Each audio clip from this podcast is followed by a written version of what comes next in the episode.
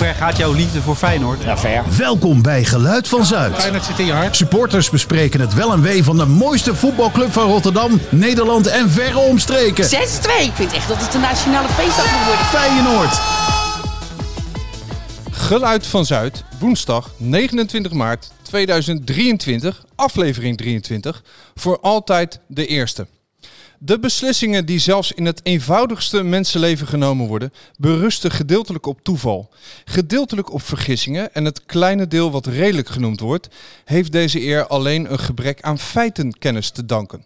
W.F. Hermans schreef dat ooit. Je zou kunnen zeggen wie leert van vergissingen en wetenschap heeft van het verleden, ja, die heeft de toekomst.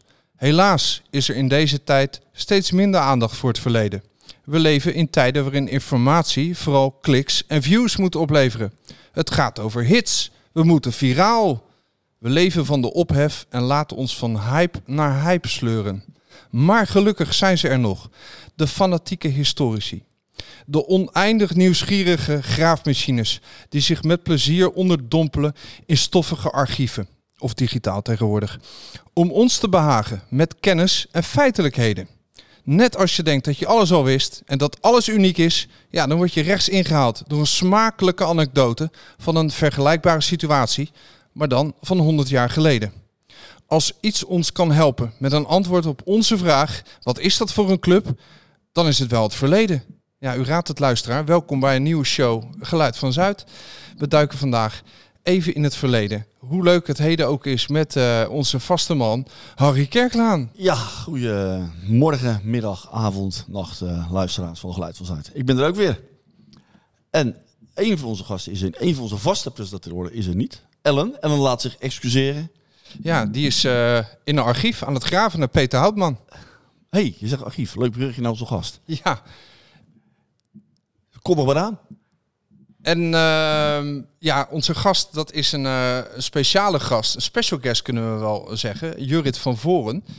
Afgestudeerd op Feyenoord. Amsterdammer, afgestudeerd op Feyenoord, mag ik wel zeggen. Sporthistoricus, schrijver, maker, graafmachine. Welkom in de show. Ja, dankjewel.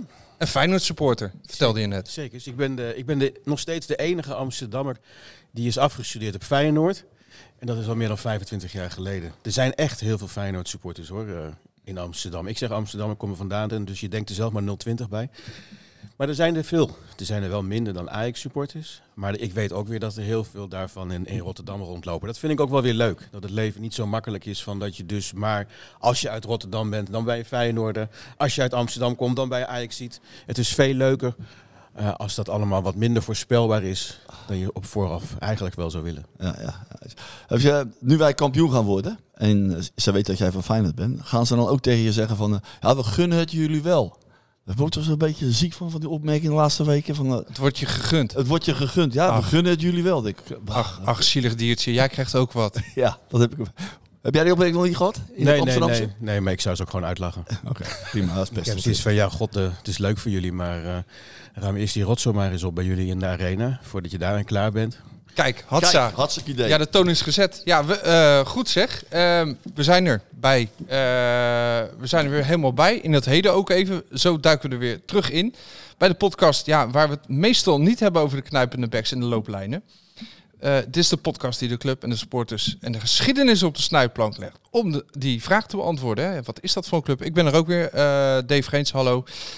En uh, ja, voordat we deze show gaan beginnen, waar nog uh, van alles en nog wat in zit vandaag, um, stellen we onszelf altijd eerst even een andere vraag. En? We allemaal eerst een eerrondje maken in een tangaslip. Nog gelachen? Ja, of er nog wat te lachen viel. Ja, deze rubriek hebben we eigenlijk ooit in het leven geroepen. Ook omdat het, het leven van een fijnsporter gaat niet altijd over rozen, geuren, maneschijn. Maar inmiddels schijnt, uh, schijnt ja. zon volop. Uh, dus kunnen we hem opheffen of uh, nee, hebben we nee, toch nee, nog wel wat leuke dingen gezien? we hebben zeker wel gelachen. Ik, zat bij, ik zit natuurlijk altijd op vak B. B. Dat is voor, voor de mensen die niet te vaak in de Kuip komen, schuin boven de camera, zeg maar. En dat is een, een vak waarin, zeg maar, ja, niet chic volk, maar ja, het is een duur vak, dus dat selecteert zichzelf een beetje. En wat gebeurde bij Feyenoord Donetsk, was natuurlijk de noordzijde, mochten we niet op. Dus dat, de, alle jongens van de Noordzijde zaten verspreid door het hele stadion. En ook bij mij op BB zaten ze. Of zaten ze. Ja, het was allemaal nieuw. Ze stonden daar op vak B, heel ongewoon. En nog ongewoner, na een half uur was bier op. Dat is echt ongekend op BB. was alleen maar, eh, ja, jongen was to- totaal ander volk natuurlijk op het vak. En eh, ja, al het bier was op. Heel grappig. Normaal wordt er niet zo hard gezopen. Normaal eh, is BB een bescheiden bier, BB bescheiden bierdrinker. Maar deze keer niet. Dat is wel grappig. Over de bierprijzen gesproken trouwens. Begin van het seizoen konden we nog heel trots melden dat we een van de goedkoopste bierprijzen, een van de laagste bierprijzen van de Nederlandse stadions hadden.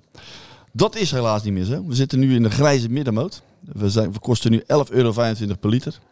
En bevinden ons in het gezelschap van Excelsior, NEC en Sparta. Daar kost het bier ook zo weinig of zo duur. Goedkoopste is inmiddels... eh, eh, weet ik niet meer. Oh god, nee, mijn lijstje. Ik heb een verkeerd lijstje. eh, mijn lijstje is verkeerd geprint. Ik zie wel wie het duurste is. Dat is RKC. Die heeft, Ja, die heeft de eh, eerste, eerste plaats overgenomen van FC Twente. Ja, Waalwijk, hè? Ja, dat is het duurst. Die hebben blijkbaar een heel duur carnaval gehad, dat ze het weer moeten terugverdienen. Ja, blijkbaar 15,63 euro per liter. En wij eh 11,25 euro. De mooiste grap is dat Twente daar ook heel hoog staat, hè? Ja, die zijn, Twente, maar Twente was de duurst en die is nou de tweede plaats. Ja, de Golsvesten. Dus dan word je gesponsord door een bierbrouwer. Heb je, heb, je, heb je het duurste bier? Nee, heb je het duurste bier? Ja, Grappig. goede deal voor Grols dan kennelijk of zo.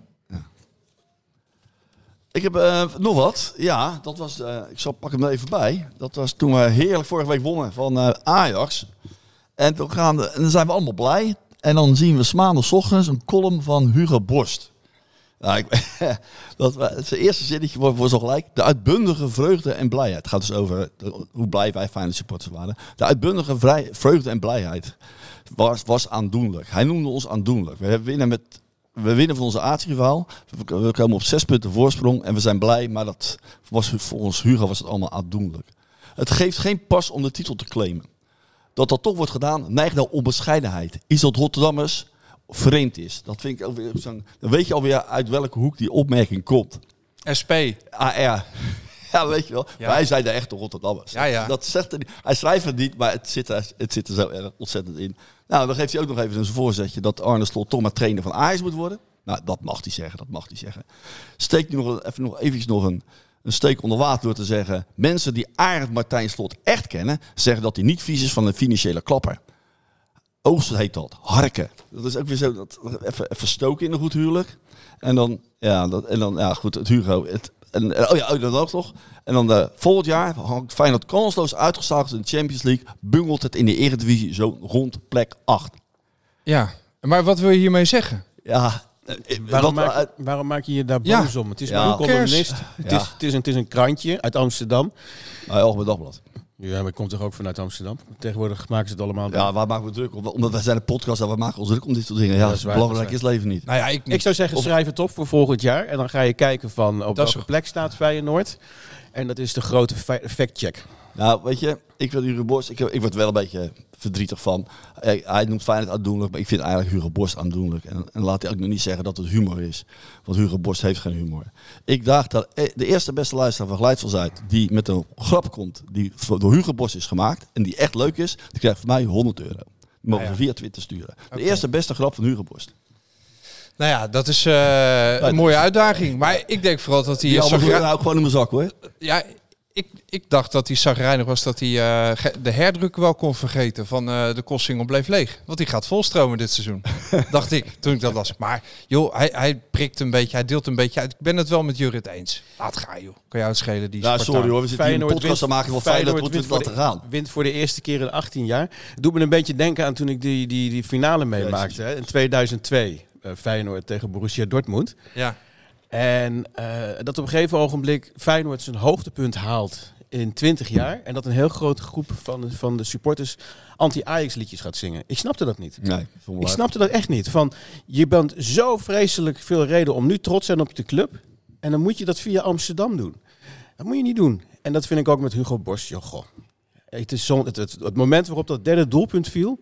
Fantastisch. Echt fantastisch. Hoor. Er werd hard gejuicht in Amsterdam-Noord. Nou, nogmaals, ik, vind- ik heb helemaal niks met Hugo Borst. En eh, de eerste dat dat, dacht ik al, dat dacht ik al zoiets. Ja, maar ik, vind het een beetje raar dat jullie het klein zitten te maken. We zitten hier van podcast van Feyenoord. En dan ga je, Ja, we ga je hebben een andere mening. van... eh, Andere mening hierover. Ja, maar- We moeten toch discussiëren? ja, daar ging het over. ja, discussiëren. Maar oké. Dat doe ik nu.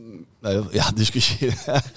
Wat is belangrijk, wat is niet belangrijk? Nee, oké, prima jongens. Maar hij wilde aandacht, hij kreeg aandacht. Maar nogmaals, eerst, nogmaals, een, nog eenmaal, nogmaals, degene die met een goede grap komt, de Hugo Bos zelf gemaakt, krijgt van mij 100 euro. Zo, Twitter, stuur Ah, ja. mij naar ik ben benieuwd. Moeten ze dan nog een fotootje maken waar ze het aan uitgeven of niet? Nee, natuurlijk niet. Oh. Het gaat om de grap. Of op de grap die hij niet heeft gemaakt. Nou ja, een challenge. Hey, en jullie waren eh, vorige show, toen ik er niet was, nog aan het worstelen over een koorddanser. Ja, er verscheen een fotootje van een koorddanser in de Kuip. En wij keken met verbazing er naartoe. Maar Paul Groenendijk, professor ooit, professor Feyenoord, die, heeft, eh, die wist wel waar het van was. Was in 1982 tijdens de wedstrijd Feyenoord-Sparta. En er was een eh, Duitse groep tijdens de rust. Tijdens de rust van de wedstrijd verzorgde de Duitse groep Les Arinis voor enige sensatie door, de koor, door een koorddanser het stadion te laten oversteken. En het was ter promotie van de show die ze deden op het parkeerterrein naast de Kuip. Typisch Paul Groenendijk, hè, dat hij dat dan eh, weet. Ja. Met recht ook professor Feyenoord geweest. Ik vind dat hij dat nog steeds is. Ja.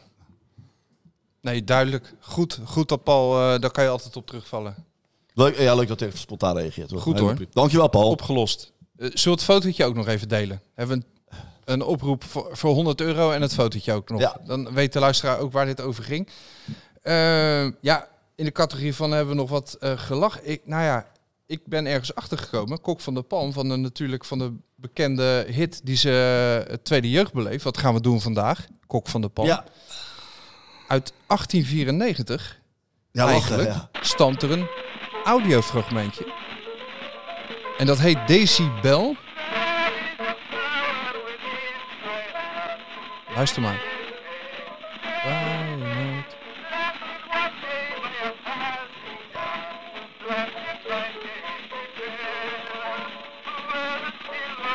En zo gaat dat uiteraard nog twee minuten door. Decibel, original 1894 fonograaf recordings te vinden op YouTube.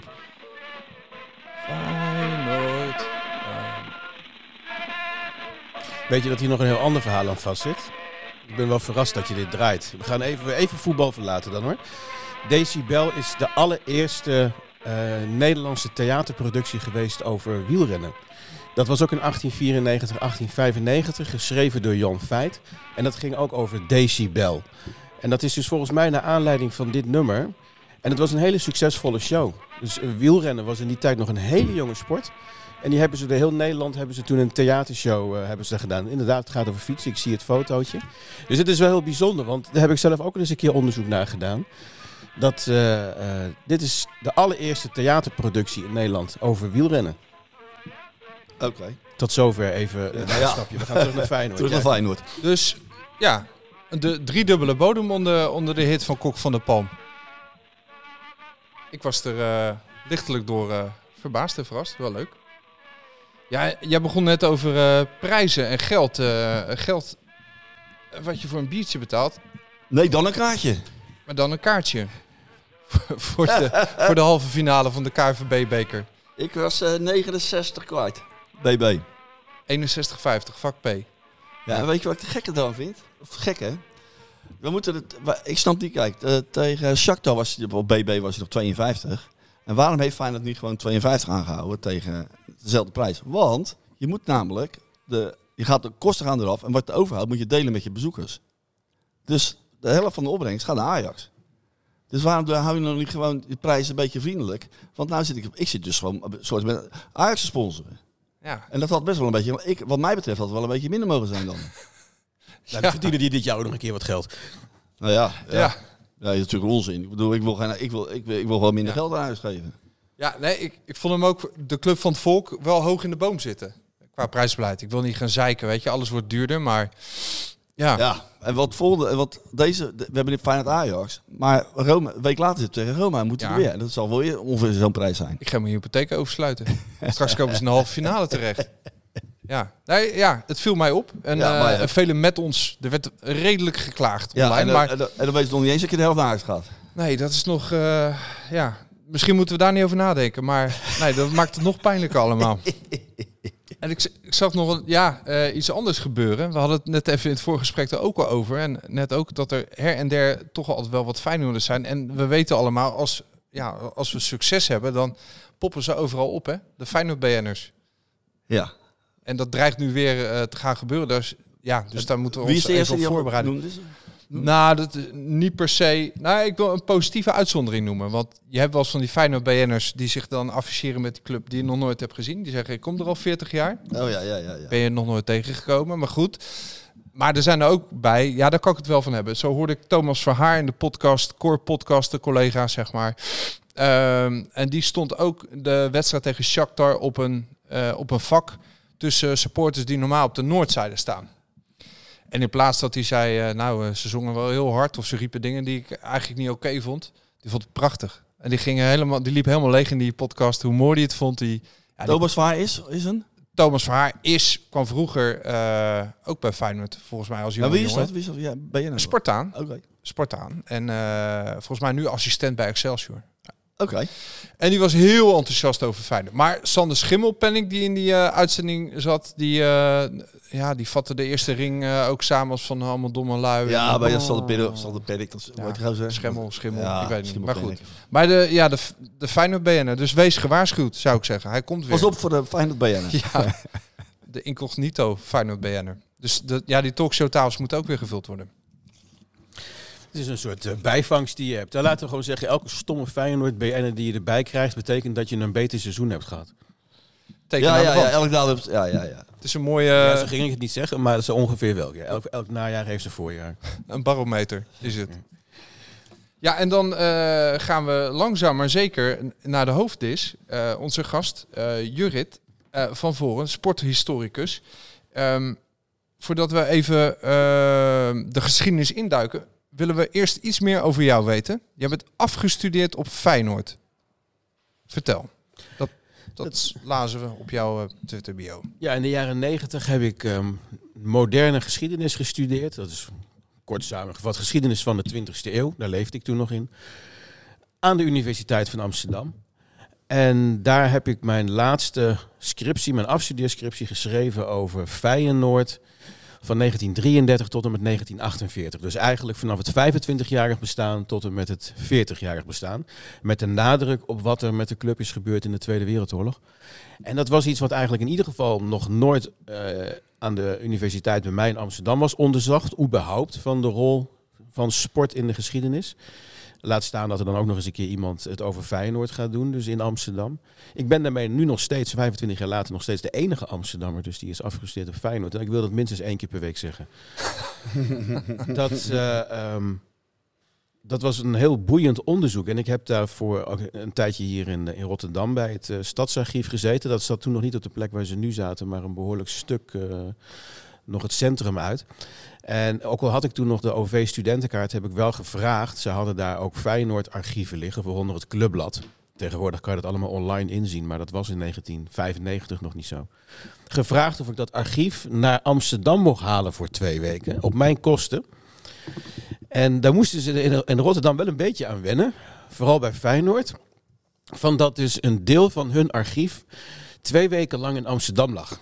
En daar moesten ze in Amsterdam ook heel erg aan wennen, maar dat maakte het voor mij wel extra leuk. Het scheelde me gewoon heel veel reistijd. Waardoor ik nog meer eh, kon bekijken. Dus alleen vanwege mij heeft ooit het Feyenoord-archief twee weken lang in Amsterdam gelegen en is daarna weer in goede zorg teruggebracht. Helaas ligt het niet meer bij het Stadsarchief. Het is weer door de club zelf opgevraagd. Dat mag het, hè, want zij zijn gewoon eigenaar van het archief. Ik zou zelf veel liever zien dat ze het eh, in het Stadsarchief liggen, laten liggen, maar dat is de, de keuze van de club. En die kan ik ook wel snel begrijpen. Zolang je er maar bij kan, als je het wil, als onafhankelijk onderzoeker. En voor mij is dat het begin geweest, meer dan 25 jaar geleden. Sowieso met sportgeschiedenis en dan echt de maatschappelijke geschiedenis van sport. Dus dat Feyenoord kampioen werd in 1940 is wel een belangrijk verhaal. Maar ik vind het veel belangrijker om te vertellen van hoe was het om een kampioenschap te vieren in een stad één of twee maanden nadat de andere kant van de rivier zo zwaar was getroffen door een bombardement. Ze werden kampioen op het moment dat de andere kant van de stad nog in puin lag. En Werd dat gevierd? Dat werd heel groot gevierd, ja. ja dat, was, dat was ook een, eh, juist op zo'n moment een soort van opluchting. Feyenoord, daar kwam ik toen achter, heeft zelf geen leden verloren bij dat bombardement van 1940. Het eerste omgekomen Feyenoordlid was een jongen, een Sebastiaanse, die was 15 jaar oud. Die kwam om bij een geallieerd bombardement, later in 1940. Maar er waren wel ontzettend veel adreswijzigingen in de eerste uitgave van de Feyenoord na mei 1940. Dus dat betekende wel dat heel veel leden van Feyenoord, die woonden daar dus wel binnen de brandgrens. Ja. Ja. En eh, die moesten een, een nieuw huis hebben. En als ik dan dus zo'n blad doorblader en ik zie zoveel adreswijzigingen, waarvan het er normaal drie of vier waren en opeens waren het er vijftig. Ja, dan, dan, dan snap je dus, dat is dus de impact hè, van, van wat zoiets dan eh, betekent voor al die mensen. Het is voor mij het begin geweest omdat ik toen ontdekte van ja, sportgeschiedenis, daar kun je zo ontzettend veel uithalen over hoe die wereld er in die tijd uitzag. Mm. En ik begon met Feyenoord en, eh, en, en nog steeds is het onderzoek voor wat ik doe eh, naar voetbal in de Tweede Wereldoorlog eigenlijk een van mijn grootste onderzoeken al jarenlang.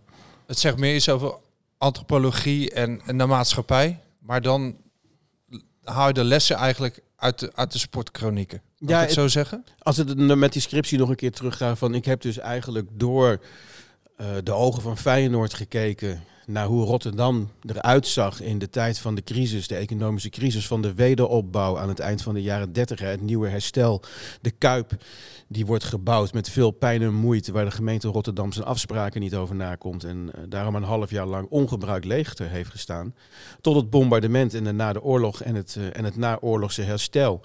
Op die manier heb ik naar Rotterdam gekeken. Door de ogen van eh, mensen die elke dag, net zoals wij dat tegenwoordig maar moeten doen, niet weten wat er morgen gaat gebeuren. En proberen te overleven, alleen in hun geval onder extreme omstandigheden. Die Kuip was jarig van de week, 86 jaar jong geworden. Ja. En jij hebt ook wat mooie beelden opgeduikeld uit het archief. En die zijn ook via Rijnmond de wereld ingeslingerd. De gemiddelde Feyenoord Sport heeft het wel voorbij zien komen. Kun je beschrijven wat we zagen op die beelden? Ja, is prachtig. Het zit bij het eh, Stadsarchief Rotterdam. En dat is eh, Jaap Tienman. Dat is iemand die heel veel in Rotterdam heeft gefotografeerd en gefilmd in die tijd. Dacht ergens eh, 1935, 1936, ik ga naar de andere kant van, eh, van de stad. En die ging daar filmopnames maken van de bouw van de Kuip. Dus dat is nog van voordat die opgeleverd wordt, eh, eind 1936. En dan zie je die hele skeletten van, van de Kuip in aanbouw. Met alle zandhopen en bergen die er liggen. eh, shots van ver af in een volkomen leeg Rotterdam-Zuid. Waar dan een stadion ingebouwd wordt. Met als absolute hoogtepunt van dat hele shot is een groep jongens van nou, vier, laten we zeggen een stuk of acht jongens. Die een eigen voetbalwedstrijd aan het spelen zijn. Midden in de bouw van die kuip. Grappig. Dus die waren daar al aan het voetballen voordat Feyenoord Beerschot werd gespeeld bij de opening. Dus Lee Vente heeft niet het eerste doelpunt gemaakt in de Kuip. Niet, eh, het- het- nou, er stond nog geen Primeur. goal. Ja, ja. We willen weer een primeur. Ja, ja, precies. Nou, Leen Vente deed het officieel met ook een Ja, echt ja. goal. Ik snap wat je bedoelt. En, eh, maar dit was gewoon tussen, eh, tussen twee eh, stapeltjes van jassen, denk ik. Ja, mooi man. En dat vind ik zo mooi, van dat je dus daar van die jongens van een jaar of 10, 11 ziet, 12, die dan met op de achtergrond dat op, opreizende, die opreizende Kuip, zo heette dat toen, Ja, Kuip, ja, maar ja. dat stadion, dat ze daarin aan het spelen zijn. Ik vond het zulke mooie beelden. Ja, precies op de dag ook dat, eh, dat het Nederlands elftal daar eh, speelde. En dus zo de verjaardag niet zo glorieus vierde, vierde maar toch wel vierde.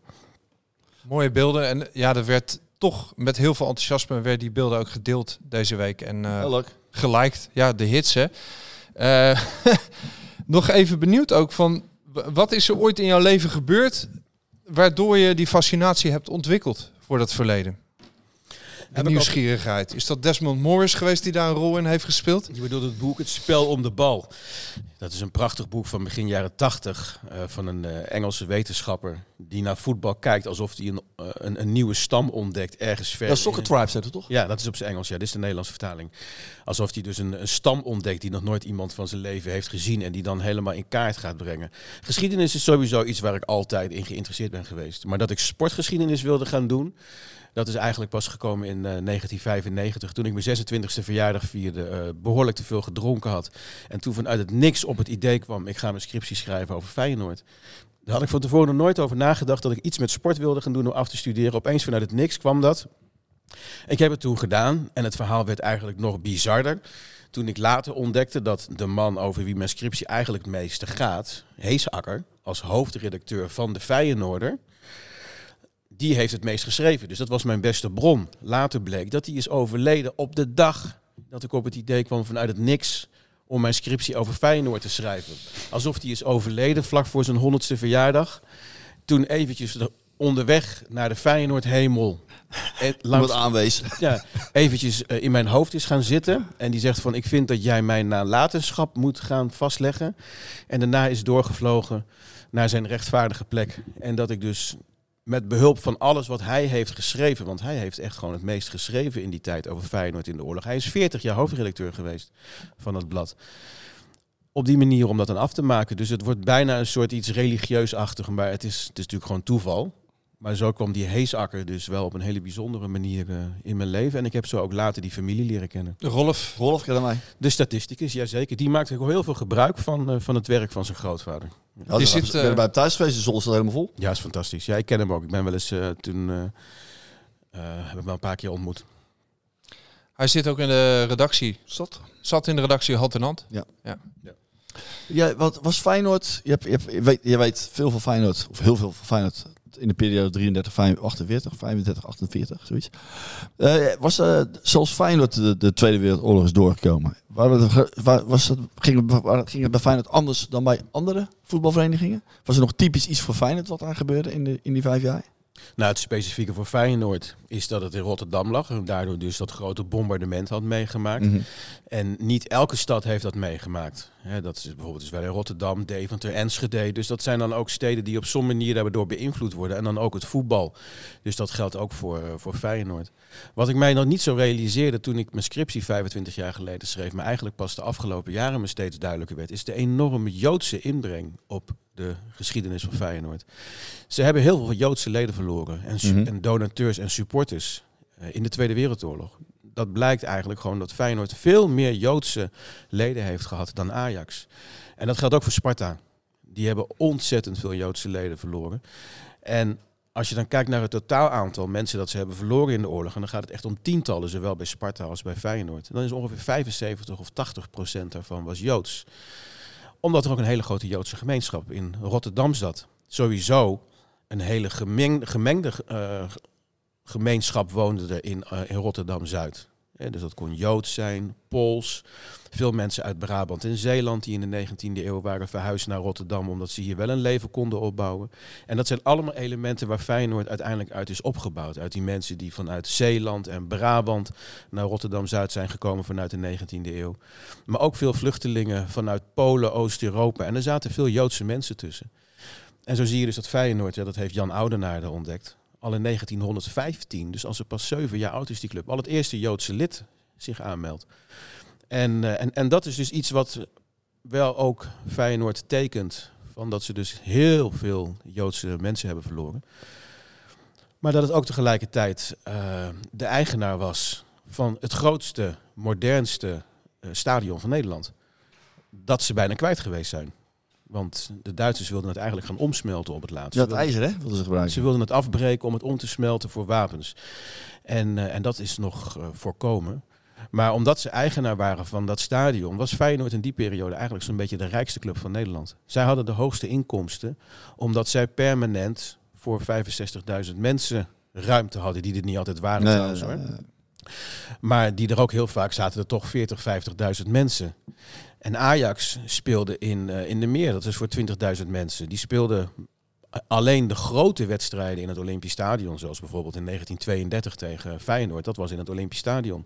Maar voor de rest speelden die alles thuis. Dus zij hadden elke week 20.000 bezoekers, als ze er tenminste waren. En dat waren de enige inkomsten. Meer, dan, meer inkomsten hadden ze en niet. Feyenoord had er dus 60.000. Ja, ja, ja. Ik hoor weer een eh, wijze les, een advies voor Dennis de Kloeze die we overbrengen. Wordt eigenaar van het stadion. Dus goed voor je positie, hè?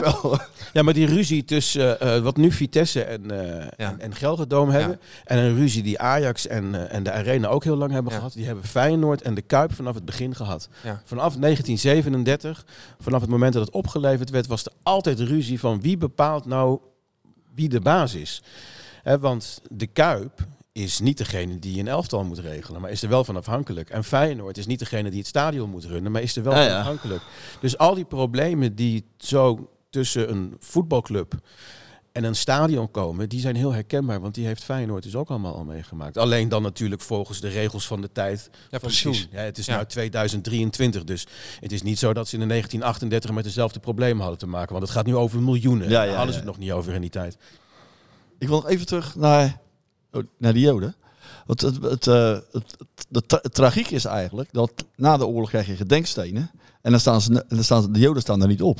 Er staan er wel een paar op, hoor. Maar de meeste, de meeste niet. Want ze moest, fijn dat, je mocht natuurlijk als vereniging mocht je geen Joden hebben. Dus die Joden moesten, werden uitgeschreven. Klopt. Dus dat was geen keuze van Feyenoord. Nee, elke club had dat. Elke club had dat. Ja, klopt. Vida Wolf trouwens, eh, er ligt hier een boek van hem. Een van zijn beroemde boeken, Geen Woorden, Mee Daden.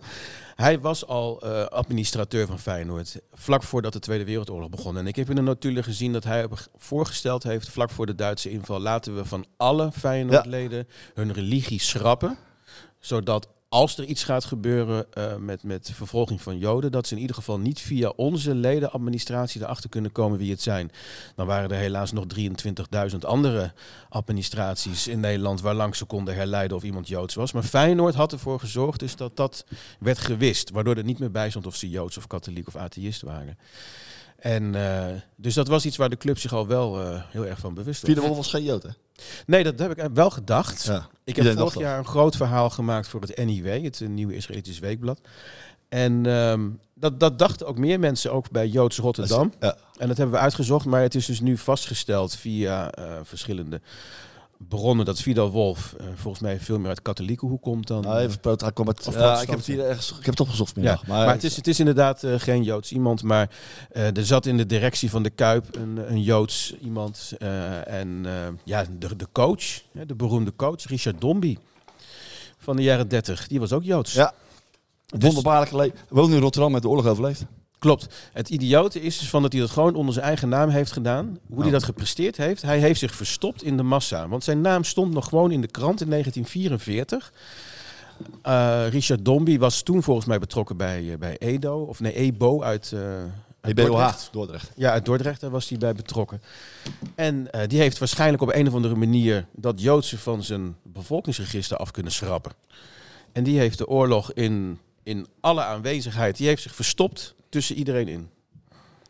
Dus dat Vol is- in het licht. ja, ja, ja, ja, en die heeft het gelukkig overleefd. En eh, die heeft na de Tweede Wereldoorlog heeft hij opnieuw eh, nog een tijdje Feyenoord Ja. geleid. Maar hij heeft ervoor gezorgd dat Feyenoord voor de eerste keer echt een internationale ploeg werd. Toen de Kuip werd opgeleverd en dat ze toen ook van Arsenal hebben gewonnen. Dat, dat was sensationeel dat Feyenoord dat toen voor elkaar kreeg. Dat eh, onder zijn leiding eh, Arsenal werd verslagen. Dat fragment wat je eigenlijk net eh, aanhaalde, staat ook te lezen in het boek wat je hebt uitgebracht, De Gele Kaart van Neeskens. Volgens mij vorige week of deze week verschenen. Is echt net uitgekomen, ja. Net uitgekomen, vers van de pers. Allemaal, allemaal verhalen. eh, ja. Veelal begint het hoofdstuk met de eerste. De eerste profvoetballer, de eerste Surinamer, de eerste ontvangst op een stadhuis. De Uh, eerste huldiging op de koolsingel. de eerste klassieker staat er ook in.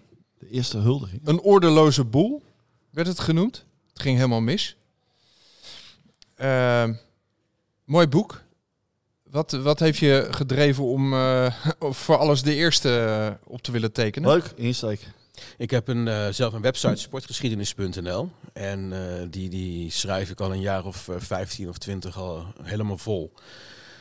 En daar komen vaak dingen in voorbij, iets dat voor de eerste keer gebeurd is. En dan is er bijvoorbeeld een discussie, nu oh, dat gedoe over die aanvoerdersband of zo. en dan wil ik weten van, maar sinds wanneer bestaat überhaupt eigenlijk de aanvoerdersband?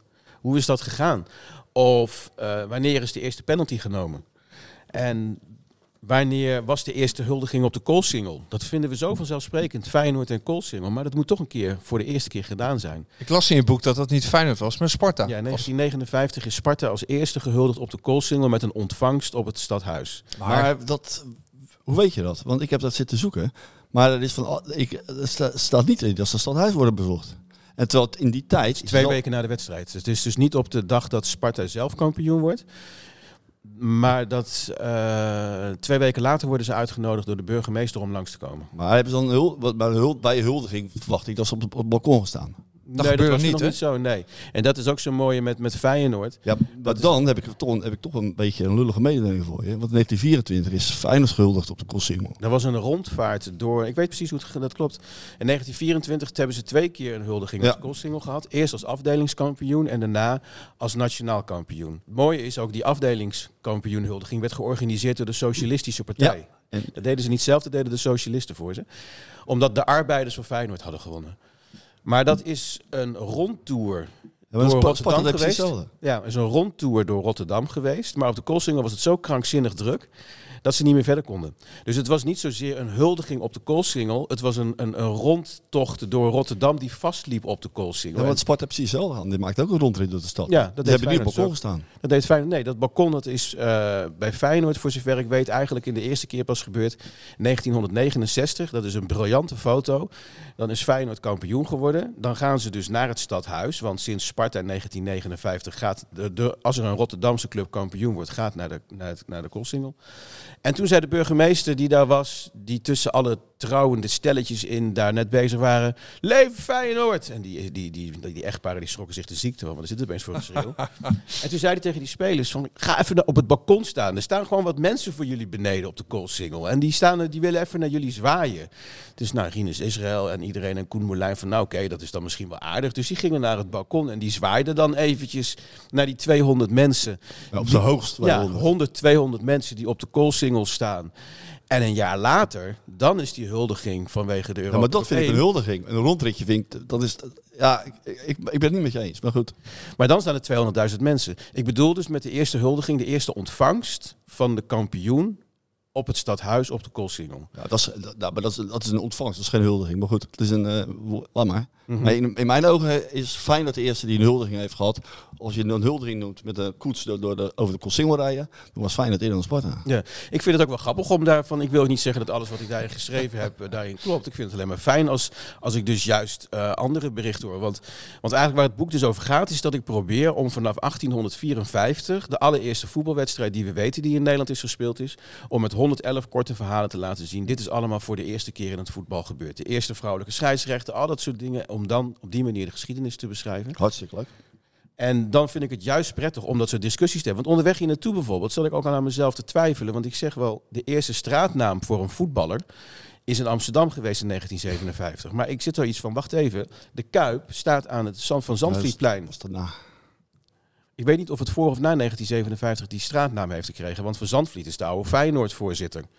Dus dat moet ik nog even uitzoeken. Dus ik ben nu mijn eigen boek hier in twijfel aan het trekken. Ik denk dat het nog best eens ja. ouder kan zijn. En Jij zei net korte verhalen. Dat triggerde mij. Want daar hebben we nog een expert in. En dat is Jeroen Koot. Peenvogel. Komt-ie. Geschiedenis. Toen ik voor het eerst de trappen van de Kuip beklom, lag de geschiedenis van Feyenoord letterlijk en figuurlijk achter me. Bij de slechte kocht ik alle boeken van topclub Feyenoord, toen nog gespeld met een lange ei, waarin in zwierige taal en zwart-wit foto's de glorietijden van Feyenoord beschreven werd. Ik had heimwee naar een tijd die ik nooit had meegemaakt. De grote beer en de waterman, Koentje, Kraai en Kindval, San Siro en het brilletje van Van Dalen. Nooit, maar dan ook nooit zou ik iets meemaken waar de mensen later over zouden praten. We bevonden ons in de donkere middeleeuwen in de historie van Feyenoord. Geen toeschouwers, geen prijzen en geen toekomst. Ik vervloekte de dag dat ik supporter van Feyenoord werd. Maar zie, langzaam maar zeker regen de historische momenten zich als kralen aan een ketting. De veldbestorming tegen Fortuna, de ommekeer in Eindhoven, de bekerwinst tegen Den Bosch en het appie-happie elftal in Maastricht en Groningen. De exodus naar Düsseldorf en de goals van Eljard Dinero. De UEFA Cup winst van Persie en van Hooijdonk, de 10 tegen 0 en VVV thuis een paar dagen daarna. De goals van Kuit tegen Heracles en dromen van Tirana. Zonder dat we het door hadden, schreven we onze eigen geschiedenis. Supporters die nu met het rood-witte virus besmet zullen raken, kijken met dezelfde weemoed terug op de periode waar wij nu doorheen gaan. De toekomst is aan Feyenoord. We drijven op rood-witte golven van geluk richting prijzen. En wie weet komt er wel weer een nieuwe uitgave van Topclub Feyenoord. Maar laten we nooit vergeten waar we vandaan komen. En om wijlen Bob Marley, een artiest waar ze in de hoofdstad denken een claim op te hebben, te quoten. In this great future, you can't forget your past. Was getekend Peenvogel. Jeroen Koot, onze audiocolumnist die er eh, van langs kreeg in de Sparta-podcast, hoorde ik vandaag. Heb je het ook gehoord? Ja, dat, eh, dat is klein bier toch? Als iemand anders heeft. Ha, kijk, ja, zo is het. Ja, Heel goed. Ja, kijk. ehm, ja, want eh, onze Peenvogel die, eh, die riep ergens in reactie ook op die column van, eh, van Borst dat ehm, Spartanen in de verkeerde stad waren geboren. Dat het eigenlijk allemaal een soort van ja, Amsterdammers zijn. Of Ajaxiden die te lui zijn om naar Amsterdam te rijden. Daar werd fel op gereageerd.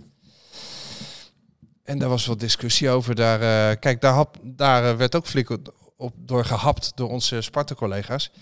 Ehm, maar toen dacht ik eventjes, ja, Sparta is de club van Rotterdam, roepen ze dan. eh daar gaan ze prat op, hè. En ze willen vooral niet met Zuid worden geafficheerd. Maar de, de grap is, op de website sparta-rotterdam.nl heb je ook een eh historie-pagina over de oprichting.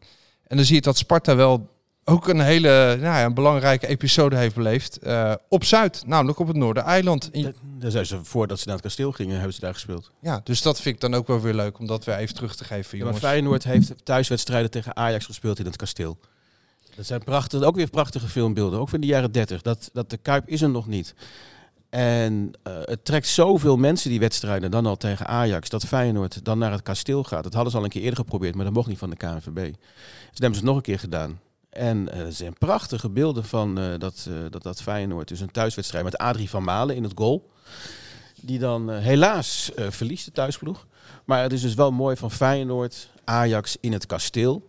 Net zoals ik ook heel mooi vind van, dat er Feyenoord één officiële thuiswedstrijd heeft gespeeld in het Ajax-stadion de Meer in 1943. Omdat Feyenoord geen wedstrijden meer mocht spelen vanaf het bombardement op, eh, op West. Uit angst voordat er bommen zouden vallen bij wedstrijden van Feyenoord. Mochten ze alleen zonder publiek spelen dus van de burgemeester. En toen zei Ajax meteen daarna, want er was een kampioenscompetitie. Ajax was geen kampioen geworden. Die zei van, weet je wat Feyenoord, jullie moeten tegen Heerenveen. Doe dat maar bij ons. En dan, eh, dan is de recette voor jullie. Dan helpen we elkaar. En, eh, want wij zijn geen kampioen geworden, maar wij willen wel heel graag jullie helpen. Dus Ajax heeft op dat ogenblik Feyenoord geholpen in een van de moeilijkste tijden die die club meemaakte. En dat is gewoon prachtig. En ook het Olympisch Stadion zei ook. En de Goffert tegen Feyenoord, nou kom maar bij ons spelen. En zo hebben die, die clubs elkaar ook geholpen. Dat haalt die rivaliteit niet weg. Ik ga nou niet zeggen van eh, je moet nu dus eh, Ajax altijd dankbaar zijn. Zo ver ga ik niet.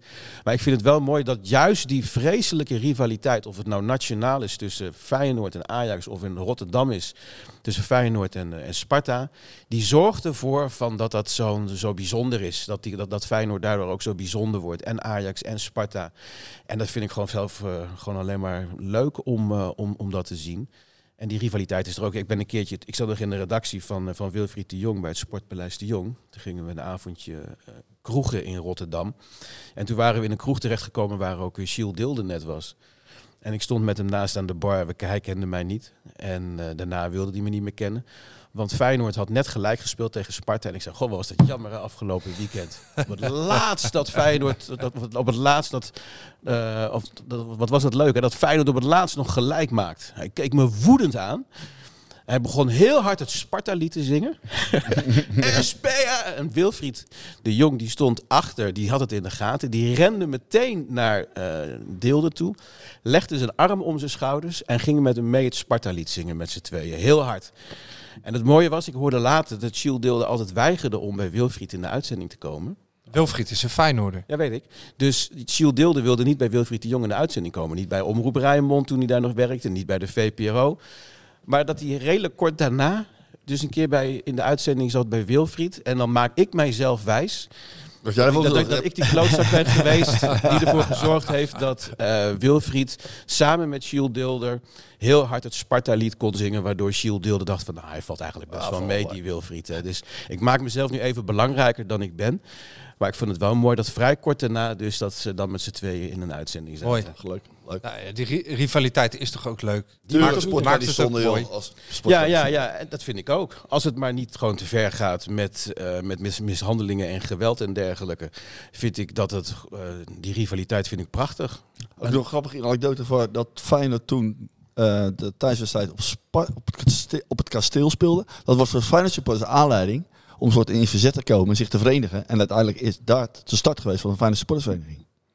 Dat vind ik leuk, dat wist ik niet. Ja. Dus dat heeft er ook mee te maken. Dus het kasteel heeft ervoor gezorgd dat Feyenoord de supporters. Ja, toen werd het groepje werd, werd boos, verenigde zich en, eh, en toen, daar, daar is de sportsvereniging uitgekomen. Mhm. De derby, we hebben meer te danken aan onze stadgenoot, heeft ook gezorgd voor de, de eerste spelerstunnel, las ik.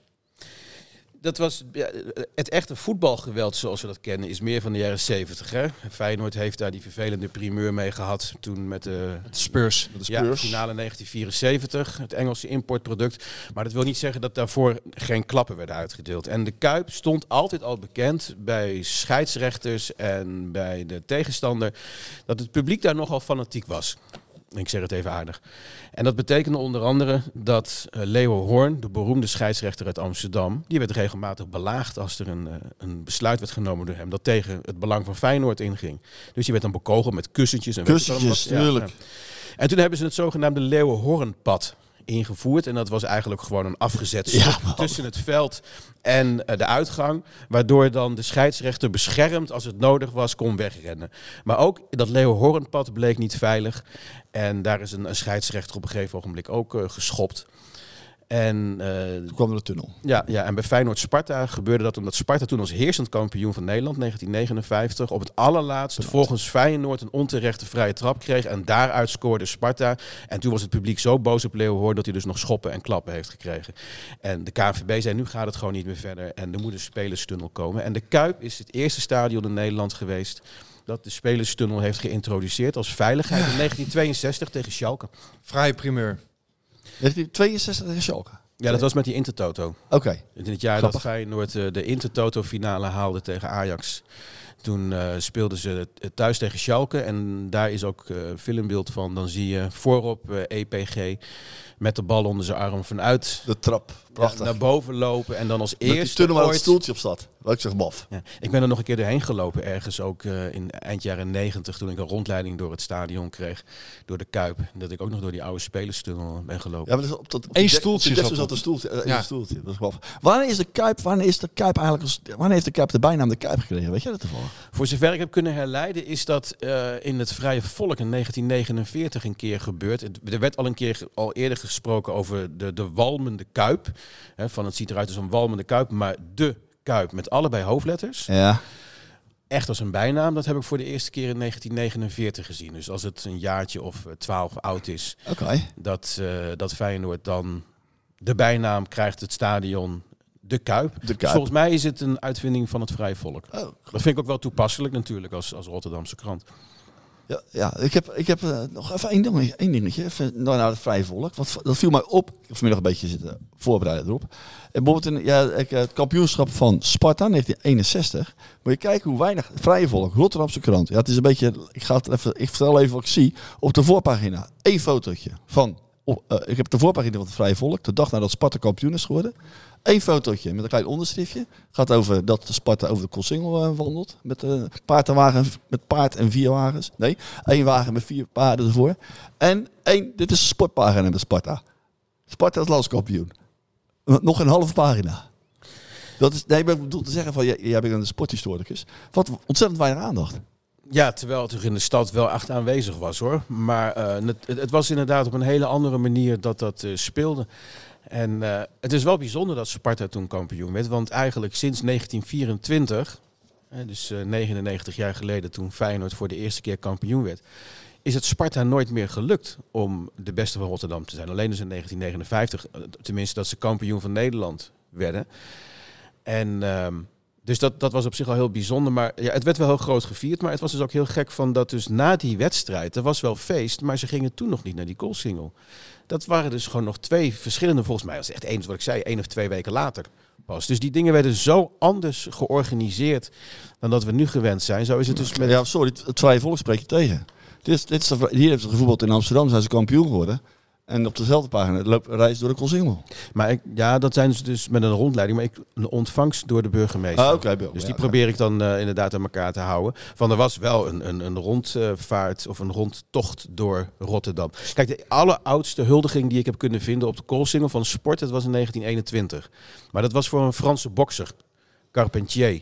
Die was naar Nederland gekomen. Dat was toen een van de beroemdste boxers van de wereld. Omdat zijn vrouw uit Den Haag kwam. En die wilde wel eens in Nederland komen kijken. En die ging eerst naar Amsterdam toe voor een paar wedstrijden. En de volgende dag naar Rotterdam. En toen kwam hij in Rotterdam. En daar werd hij onthaald door zo'n krankzinnige hoeveelheid mensen op de Koolsingel. Waardoor ook het verkeer helemaal vastliep. Dat hij zei, "Oh, dat heb ik echt van mijn leven nog nooit meegemaakt. Van waar ik ook ter wereld ben geweest. Dat ik zo enthousiast word ontvangen door mensen. Dat was dus op de Koolsingel. Grappig. En het liep, daar ook liep het verkeer echt volkomen vast. Waardoor het dus lijkt alsof het een huldiging op de Koolsingel was. Maar het was gewoon weer een van die vele rondritten die volkomen klem liep in het centrum van Rotterdam. Want met die huldiging van Feyenoord van 24, ze stonden, de supporters in Feyenoord op Zuid stonden al heel lang te wachten. Maar die auto's kwamen maar niet, omdat ze niet door die massa heen kwamen. Klopt. Om 11 uur s'avonds kwamen ze volgens mij pas aan, waarvan ze eigenlijk rond een uurtje of zeven besteld waren. Maar er was geen enkele politieagent bij. Nee, Staat in het verslag. Er Nee. was geen enkele politieagent bij. die waren En- volkomen overdonderd. Ja. Die, dat was één grote puinhoop van eh, mensen. Die, maar Maar dat was, mensen zaten ook allemaal op de auto's. Ja, ik, heb, ik ga het niet voorlezen, maar het is echt wel grappig eh, ja. als je dat hele verhaal leest. al die huldigingen toen, als je dat kijkt met zeggen door de ogen van nu, kan je je gewoon niet voorstellen van hoe dat toen gegaan Nee. is. Maar dat geldt ook als je gewoon eens nuchter terugkijkt hoe die rondvaarttocht van het Nederlands elftal in 1988 is gegaan. Hoe krankzinnig dat geweest is. Want die is gewoon willekeurig door de grachten heen gaan varen. Van links naar rechts, dwars door de stad. En alles in Amsterdam werd ontwricht. Het is echt een, een raadsel van dat dat goed is afgelopen. Die woonboten zonken. Er is geen boomboot gezonken. Nee? Nee, dat is Nee. een mooi verhaal. Er, zijn wel, er is wel schade, maar er is er geen gezonken. Maar dat daar geen eh, echt hele grote ongelukken zijn gebeurd. Klein wonder. Wel bijna gebeurd trouwens, hè, op het laatst. Van dat allemaal mensen werden verdrukt op het Museumplein. Maar dat dus alles wat we nu gewend zijn, hoe je naar, Crowd management. naar, naar crowd management, dat het in 1988 al niet eens bestond, laat staan in 1924. Bijzonder. Ben jij van mening dat, eh, wat ik net in de intro een beetje stelde, hè, dat alles eigenlijk al een keer gebeurd is, alleen dat er wat andere omstandigheden steeds zijn? Aan de ene kant is dat wel zo van dat als er iets gebeurt, dat als ik echt ga zoeken, dat ik altijd wel iets kan vinden Wat al gebeurt. Ja, maar ik vind dat ik daar wel mee moet uitkijken. En dat beste geval was toen die eh, grensrechter eh, werd doodgeslagen. Een jaar of 10, 15 geleden. Mhm. Bij zo'n amateurwedstrijd. Bij zo'n amateurwedstrijd, Oh, ja, ja. ja. En er werd eh, een scheidsrechter of een grensrechter werd een dood, meerdere dagen. ja, werd doodgeslagen. Toen ben ik gaan zoeken en toen vond ik eerdere gevallen van geweld, van molestatie rond scheidsrechters en grensrechters. En dan kan ik wel gaan zeggen van, eh, kijk joh, het gebeurde in 1930 ook al, in 1970 ook al. Maar ik vind dat ik dat niet mag wegrelativeren Ja, met de geschiedenis. Nee, nee. Eh, er zijn mensen die hun vader hebben verloren, die een familielid hebben verloren of een club die in rouw is. En dan kan ik niet gaan wegrelativeren met een historisch voorbeeld van 40 jaar geleden. En dan is het in zekere zin allemaal al een keer gebeurd, maar toch is het anders. En het is, het is meer andersom van dat ik juist door een gebeurtenis in de sport heel vaak goed kan begrijpen hoe een, een tijd eruit gezien heeft. En dat vond ik het leuke aan de column die ik zojuist hoorde. Het zou mij niet verbazen als die columnist ook in de buurt van 1969 is geboren. Want zoals het wordt Jazeker. verteld... Nou, i- ietsje later. Maar ja, precies. Hij heeft dat net gemist. Ja, nou, maar dat hij Ja. dus... Want ik ben van 1969. Ja. En de periode van wat hij over Feyenoord zegt van geen publiek en geen eh, succes. Ja, dat, dat zijn die moeilijke jaren. Eind jaren jaren 80. 70, begin jaren 80. Ja. En eh, eh, dat herkende ik heel erg. Dus door zo'n column daar te luisteren, snap ik dus eigenlijk al van... hé, hey, ik luister naar iemand die ongeveer even oud is als ik. Hoe belangrijk is het, vind jij? Je, het werk wat je aan het doen bent, wat we hier aan het doen zijn, de historie vastleggen, op zoek gaan naar eh, mooie verhalen en anekdotes. In een tijd waar het allemaal snel, hup, hup, hup. We gaan tack- harde tackles twintig keer herhalen en uitvergroten. Of eh, een stoeltje ja. die door een trainer door de dugout wordt gesmeten. Ja, het, het, ik, of het belangrijk is, weet ik niet. Maar het is voor mij, ik, ik ben gewoon nieuwsgierig en ik wil het gewoon elke keer weer opnieuw uitzoeken. En daarom ben ik er altijd wel meer mee bezig. En ik merk dat er gewoon veel mensen ook eh, in geïnteresseerd zijn. En dat er ook steeds meer eh, onderzoek naar komt. Maar ik kan me ook heel goed voorstellen van dat als jij naar Feyenoord wil, of naar, iets, naar een ander, dat het je gewoon allemaal niet zo heel veel interesseert. En ik vind dat je ook daar eh, op die manier je supporterschap moet kunnen beleven. En je bent niet lid van een historische vereniging. Je bent lid van een eh, of supporter van een voetbalclub. En dat, dat merk ik heel erg met mijn onderzoek naar de oorlogsslachtoffers in het Nederlandse voetbal. Daar ben ik al jaren mee bezig. Ik heb al 3000 namen verzameld van Nederlandse voetballers die zijn omgekomen in de Tweede Wereldoorlog. dat er ook clubs zijn die dat heel graag willen weten, die er ook echt heel actief bij helpen. Maar ook heel veel clubs die daar eigenlijk niet zo op zitten te wachten om het uit te zoeken. En dan kan ik wel zeggen, dat is schandalig, je moet er respect voor hebben. Maar dat Je hebt zijn- geen wijzend vingertje erbij. Nee, want voetbalclubs hebben dan net corona achter de kiezen dat ze met de nodige pijn en moeite hebben overleefd. En nu moeten ze de energierekening maar weer zien te betalen voor de komende tijd. Zitten met een tekort aan vrijwilligers en scheidsrechters. En dan komt er een een of andere grappenmaker uit Amsterdam-Noord die gaat zeggen dat ze even moeten weten wat er in 1943 allemaal is gebeurd. Maar je hebt toch een oproep gedaan in Lochem. Ja, en daar krijg ik dus ook veel reacties op van mensen. Omdat ik een onderzoek doe eh, van uh, oorlogsslachtoffers in Lochem. Bij Zutphen, uit mijn eigen regio waar ik vandaan kom. Dat mensen die dat willen weten, die reageren daarop. En dan blijkt er toch gewoon heel vaak veel belangstelling te zijn. Maar kijk, je bent lid van een voetbalclub of je houdt van een voetbalclub omdat je iets met voetbal hebt. En ik ben goed in archieven. Ik ben Ja, onderweg hier naartoe, ben ik vanuit het Nationaal Archief eh, in Den Haag ben ik hier naartoe gekomen. Ik doe dat werk wel voor eh, dat onderzoek van die oorlogsslachtoffers. Dus als jij dan bij een club zit en van ja, ik zou graag wel willen weten of er ook iets met onze club is gebeurd. Nou, dan kan je naar de website Voetbalmonument en dan typ je de naam van de club in. En dan zie je wat we over jouw club op dit ogenblik weten. En hoef jij de archieven niet meer in. Heb je dat, hebben wij al gedaan. En als je het toch wil, dan help ik je er wel bij. Service naar de mensen toe. Goed zeg. Ja, ik vind dat het wel het onderscheid moet zijn van, ehm, van, van een sporthistoricus. Is toch, eh, natuurlijk vind ik het leuk om er met iedereen erover te praten. Maar ook als iemand die, die vrij lang in het Olympisch Stadion heeft gewerkt. eh, Echt een club of een een stadion met net zoals de Kuip. Een enorme geschiedenis. Van dat ik vind dat als jij naar het stadion gaat voor een actueel evenement. en je bent niet geïnteresseerd in de geschiedenis. dan moet je zo snel mogelijk jouw stoeltje kunnen vinden. Inclusief wat te eten en te drinken om een leuke middag te beleven. Maar als je er wel gevoelig voor bent, dan zorgen we er ook voor dat je aan alle kanten daardoor wordt geraakt. Maar het moet niet zo zijn dat die geschiedenis jou in de weg staat. Onderweg naar jouw stoeltje, naar jouw evenement. Om te genieten. Maar dat als je er gevoelig voor bent, nou, dan zou je het merken ook. Dan, merk je, dan overal om je heen heb je aanwijzingen en informatie. En dat vind ik eigenlijk ook met de Kuip. Je moet zo snel mogelijk op je stoel kunnen zitten voor die wedstrijd. Maar je snapt als je er bent dat je in iets zit dat groter is dan jijzelf. Zo. Hoppakee. Ja, ik ga geen brug slaan. Maar wat ook groot was in 1993 was de vreugde toen daar die schaal. Bij die huldiging. Dat was, was dat een huldiging? Op de Koolsingel dat was wel een huldiging. Dat vond jij een Een huldiging? huldiging is als het balkon staat en er staan beneden mensen. Dat is Oké. hulde brengen. Daar ging die schaal omhoog. En dat verhaal van dat seizoen, dat eh, zijn we aan het oprakelen. We zijn langzaam maar zeker terug aan het gaan. Ook naar 1993. Terwijl er misschien een nieuwe huldiging komt. Gaan we op 23 mei theater in Theater Zuidplein. En hebben we John de Wolf, Henk Vrezer en Regie Blinker ook bereid gevonden om daar het podium op te komen. En terug te gaan in de teletijdmachine. En gaan we dat seizoen eens eventjes boven water halen. En Harry, ja, ehm, jij had daar ook een idee bij. Jij wilde daar ook iets gaan vertellen over dat seizoen. Niet specifiek over de competitie, maar een andere episode. Ja, dus, eh, dat seizoen is er een hele bijzondere Europese uitwedstrijd geweest. Dat was tegen Spartak Moskou. Want bij hoge uitzondering werd die wedstrijd afgekeurd en een dag later gespeeld. Nou, er speelde toen daar in Moskou, in Rusland, in maart 93, van alles. En toen kwamen wij ook nog met een mannetje van duizend langs. En dat eh, levert wel een, eh, een spreekbeurtje op van een minuutje of tien. Oké. En, dat- en die ga ik houden. Die ga ik, ga vertellen hoe ik die twee dagen heb beleefd in Moskou. Dus de teaser voor zij die nog geen kaartje hebben gekocht en die ook snel moeten zijn. Die snel moeten zijn, want ik heb gezien, ik heb de plattegrond gezien van... eh, Ja, Dat is niet overdreven. Dat zegt kaartverkopen zeggen altijd: schiet op, schiet op. Het Ja. raakt vol, het raakt vol. Ja. Maar dit keer is het niet gelogen. het raakt vol. En ik, ik denk ook wel dat de mensen dan misschien al een, eh, een feestje achter de rug hebben gehad. Als het allemaal goed gaat. Ja, eh, alleen maar. Ja. En denk ik van nou, Er is ook alcoholvrij bier, zeg maar. doen we nog een avondje? ja. ja. Dus eh, ja, ha- haast je naar eh theaterzuidplein.nl. De mooiste Pinksterdag.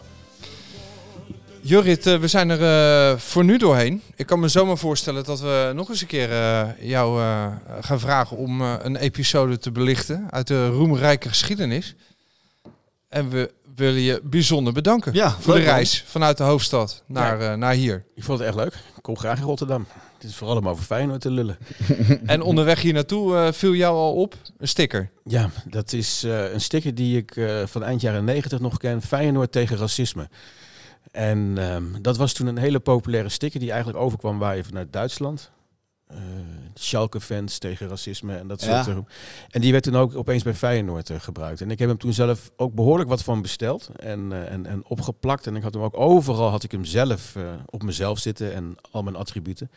En opeens zag ik hem weer hangen hier. eh, die oude Feyenoord tegen racisme sticker op een lantaarnpaal onderweg van het Centraal Station hier naartoe. En van wauw, daar is hij weer. Nou, dat is de eerste keer in de 21ste eeuw dat ik hem gezien heb. dat was 1998 of zo. Ja. En eh, ja, ik vind het mooi. Daar moeten er weer meer van komen. Dus de geschiedenis is nooit ver weg. En hij blijft terugkomen. En ik wil drie keer een feest. Ik wil dat er een kampioenshuldiging komt, een bekerhuldiging en ik wil een Europese huldiging voor Feyenoord. Op de kostsingel. Alle drie. Ik ook. Ja. En dan zijn Ja, we het dat- erover eens. Dat is nou een huldiging. dat we het daar gewoon over eens zijn. Ik denk de luisteraar ook. Bedankt. En ja, de laatste woorden, ja, die zijn niet voor ons. Maar die zijn aan ons... eh, Luisteraars. nee, Nee. aan Peter. Ja, want die moeten nog eh, 100 euro winnen. Nee, Eentje. De eerste. Eentje. Ja, je hebt Oké. de eerste. Oké, Peter Houtman, komt-ie. Voor wat betreft hier nu mijn hartelijke groeten en wie weet tot ziens. Doei doei!